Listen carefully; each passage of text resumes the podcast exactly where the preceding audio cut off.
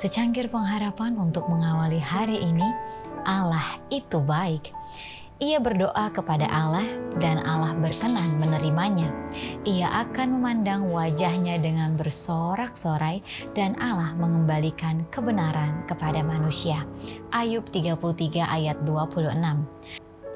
Tidak ada tangisan dari suatu jiwa di dalam kebutuhan, walaupun tidak dapat dikeluarkan di dalam perkataan yang tidak akan diperhatikan. Mereka yang rela masuk dalam hubungan janji dengan Allah di surga tidak akan dibiarkan dalam kuasa setan atau di dalam kekurangan diri mereka. Hanya sedikit yang dapat menghargai atau meningkatkan hak istimewa doa pribadi.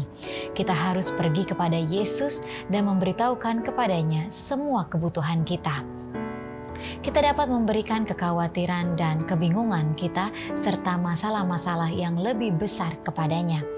Apa pun yang muncul untuk mengganggu atau membuat kita tertekan, kita harus membawanya kepada Tuhan dalam doa. Ketika kita merasa bahwa kita membutuhkan kehadiran Kristus di setiap langkah, setan akan memiliki sedikit kesempatan untuk menawarkan pencobaannya adalah upaya setan untuk menemukan cara terbaik yang dapat menjauhkan kita dari sahabat-sahabat terbaik kita dan yang paling bersimpati. Seharusnya kita tidak menjadikan orang lain sebagai kepercayaan kita selain Yesus.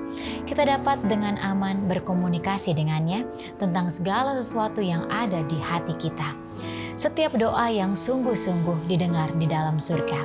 Doa itu mungkin diucapkan dengan tidak lancar, tetapi jika kita ada di dalamnya, doa itu akan naik ke bait suci di mana Yesus melayani dan ia akan menyampaikan kepada Bapa tanpa satu perkataan yang kaku dan menganggapnya indah dan harum dengan dupa kesempurnaan.